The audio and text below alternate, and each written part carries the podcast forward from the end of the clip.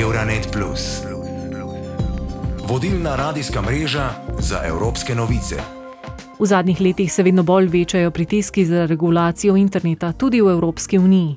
Ravno v začetku julija so institucije EU sprejele dve tehnični uredbi, ki naj bi pomenili prelomno točko v načinu uporabe interneta.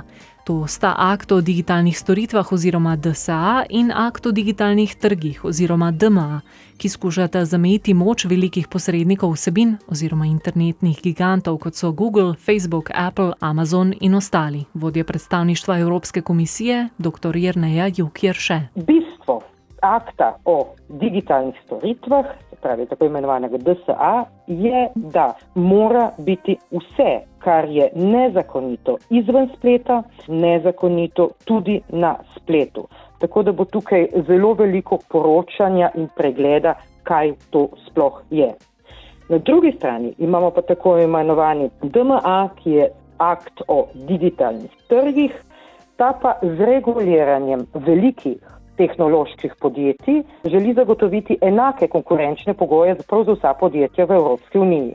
Po besedah Domna Saviča, direktorja Zavoda Državljan D, pa je razlog za te akte oziroma problem teh velikih posrednikov vsebin ravno to, da v bistvu zdaj predstavljajo večino, če rečemo temu, nekega svetovnega spleta, tako na nivoju infrastrukture, kot na nivoju storitev. Če pomislimo, da recimo večina interneta teče na Amazonovih strežnikih, da sta Facebook in Google v bistvu zdaj že dobesedno v vsakem prostoru mhm. naše hiše in v avtomobilih in na drugih mestih, se tukaj res pojavlja vprašanje, kdaj je ta vpliv posameznih podjetij na v bistvu posameznikovo življenje prevelik oziroma kdaj ga je treba malo zamejiti.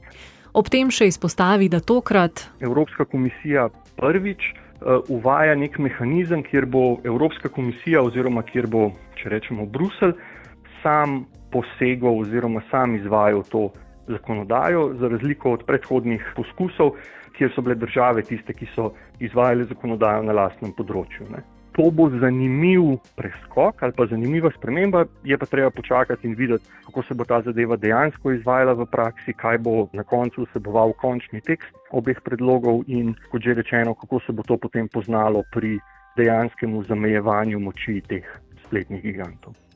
Zakonodaja akta o digitalnih storitvah vključuje tudi vrsto ukrepov, ki bodo vplivali tudi na otroke in mladostnike prinaša nove ukrepe za boj proti nezakonitim spletnim vsebinam, boljšo sledljivost in preverjanje prodajalcev na spletnih tržnicah, večjo preglednost in odgovornost platform, naprimer z zagotavljanjem jasnih navodil v zvezi z urejanjem vsebin ali uporabo algoritmov za priporočene vsebine. Pogoje uporabe storitev, ki so primarno namenjene mladoletnikom ali pa jih ti pretežno uporabljajo, bodo platforme morale razložiti na način, ki ga mladoletniki razumejo. Akt prepoveduje tudi zavajajoče prakse in nekatere vrste ciljnega oglaševanja, naprimer oglaševanje namenjeno otrokom in oglase, ki temelijo na občutljivih podatkih, kot so spolne preference, zdravstveni podatki, vera in politična prepričanja. Prepovedani pa bodo tudi tako imenovani temni vzorci in zavajajoče prakse, namenjene usmerjanju odločitev uporabnikov. Zakaj pa je do sprejemanja uredb DSA in DMA sploh prišlo? Dr. Jrneja Juk Jrše. Korona kriza nas je namreč prisilila, da smo zdaj vsi na nek način specialisti na internetu in naše dejavnosti smo predstavili na splet. Tako da brskamo po spletu, delamo nadaljavo, nakupujemo in tako dalje. In želimo, da smo zaščiteni tako pred prevarami, dezinformacijami, pa tudi spornimi vsebinami. In tu je to pomembno še predvsem za naše otroke.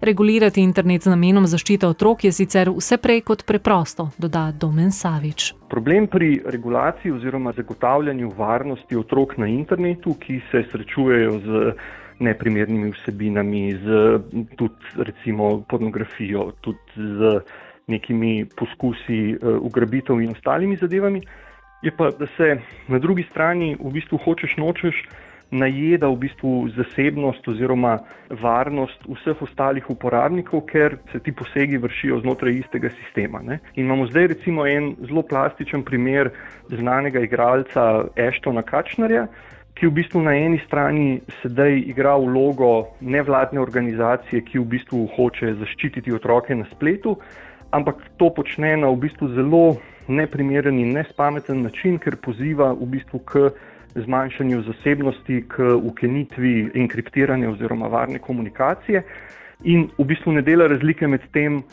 komu je ta komunikacija namenjena oziroma kdo to komunikacijo uporablja. Ne. Kar pomeni, če zelo plastično poenostavim, ne, zdaj Ashton zahteva, da bi vsi nehali zaklepati vrata svojih hiš, zato ker se v recimo petih hišah v Sloveniji mogoče nahajajo ugrabljeni otroci.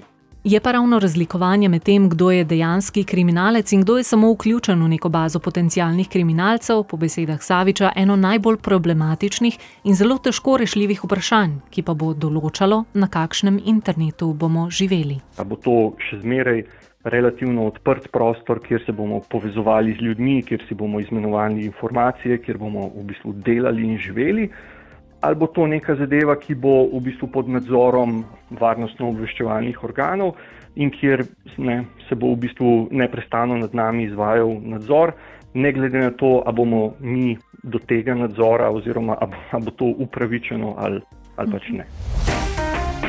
Euronet Plus. Vodilna radijska mreža za evropske novice.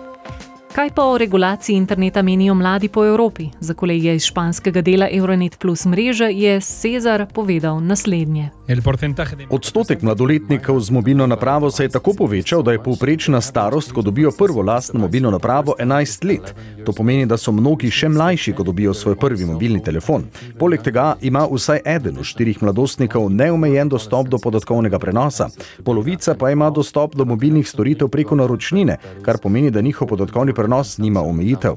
Najbolj pomembno se mi zdi, da 40 odstotkov mladih sploh ne ve, ali za mobilne storitve plačujejo mesečno naročnino oziroma imajo vezavo ali pa imajo predplačniški paket. 22 odstotkov pa jih ne ve, kolikšno količino mobilnih podatkov običajno porabijo na mesec. Naslednje sicer morda vpliva tudi to, da imajo skoraj vsi, to je 98 odstotkov, doma Wi-Fi povezavo. Torej, obseg porabe in cena mobilnih podatkov jim je nekaj povsem tujega, je nekaj, kar jih ne skrbi. Ne vedo, koliko to stane, ker niso oni tisti, ki morajo te stroške plačevati ali imeti pregled nad pogodbo. Niti se jim ni treba omejevati pri porabi podatkov, da bi preživeli. Litva je na tretjem mestu v Evropski uniji po obsegu piratskih digitalnih vsebin. Čeprav se statistika nekoliko izboljšuje, se lahko na tem področju še veliko stori, je v intervjuju kolegom iz Euronet Plus mreže povedala Elena Rujkite, ki je v začetku letošnjega leta preučevala spletne navade litovske mladine, stare med 14 in 29 let. Analiza je pokazala, da veliko mladih še vedno išče nezakonite vsebine na internetu. Najpogosteje nelegalno prenesejo videe, najredkeje pa glasbene vsebine. Galbūt eh, liūdnesnis. Eh, eh, Morda nekoliko bolj razočara podatek, da se približno 77 odstotkov ljudi, ki so sodelovali v raziskavi vsaj enkrat v zadnjih 12 mesecih, odločilo uporabiti nezakonite vire in različne nezakonite vsebine. To je visoka številka. Zanimivo je, da jih je več kot polovica vedela, da izbirajo nelegalne vire. Uporabnik je torej precej ozaveščen, prepozna in ve, kaj dela. Na to smo naleteli na drugo vprašanje. Zakaj tako ravnamo, čeprav razumemo? Mlade uporabnike interneta močno pritegne izbor vsebin in njihova pestrost. Pomembna je tudi kakovost vsebine. Seveda pa je pravo vprašanje cena. Mladim je pogosta prepreka pri uporabi zakonite vsebine pravzaprav cena. Ljudje, vrtatelja, gledaj, reštikruj kajna. Medtem po vsem svetu postaja internetno piratstvo vse preprostejše, pove razvijalec digitalnih produktov Jonas Levkevičius in povdari, da so nekatere nezakonite spletne strani z video vsebinami celo podobne tistim od legalnih podjetij. Bendrai rinka yra sumažėjusi, nes, pavyzdžiui, muzika. Na splošno se trg krči. Glasbeno piratstvo je, na primer, praktično rešeno z aplikacijama Spotify in YouTube. Toda stvari, ki so obstajale pred približno desetimi leti, kot so torrenti, so še vedno aktivne. In za njihov trg bi rekel, da se je stabiliziral, industrializiral. Nekoč je bila vsebina tam zelo kaotična. Nikoli nisi vedel, ali boš dobil mačka v žaklju. Zdaj že obstajajo določeni založniki. Znani so, se izdajo vse filme, obstajajo standardi kakovosti in dogovorjeni formati. Obstajajo takšni, ki izgledajo celo kot Netflix. Preprosto kliknete na aplikacijo in film lahko gledate nezakonito. Možno se je tudi naročiti na serije, tako da se narožijo takoj, ko so na voljo. Celotna industrija se je industrializirala. Postala je bolj dostopna potrošnikom. Jasno je, da ostaja nezakonita. Samo zato, ker je nekaj lažje uporabljati, še ne pomeni, da je prav. Euronet Plus za boljše razumevanje Evrope.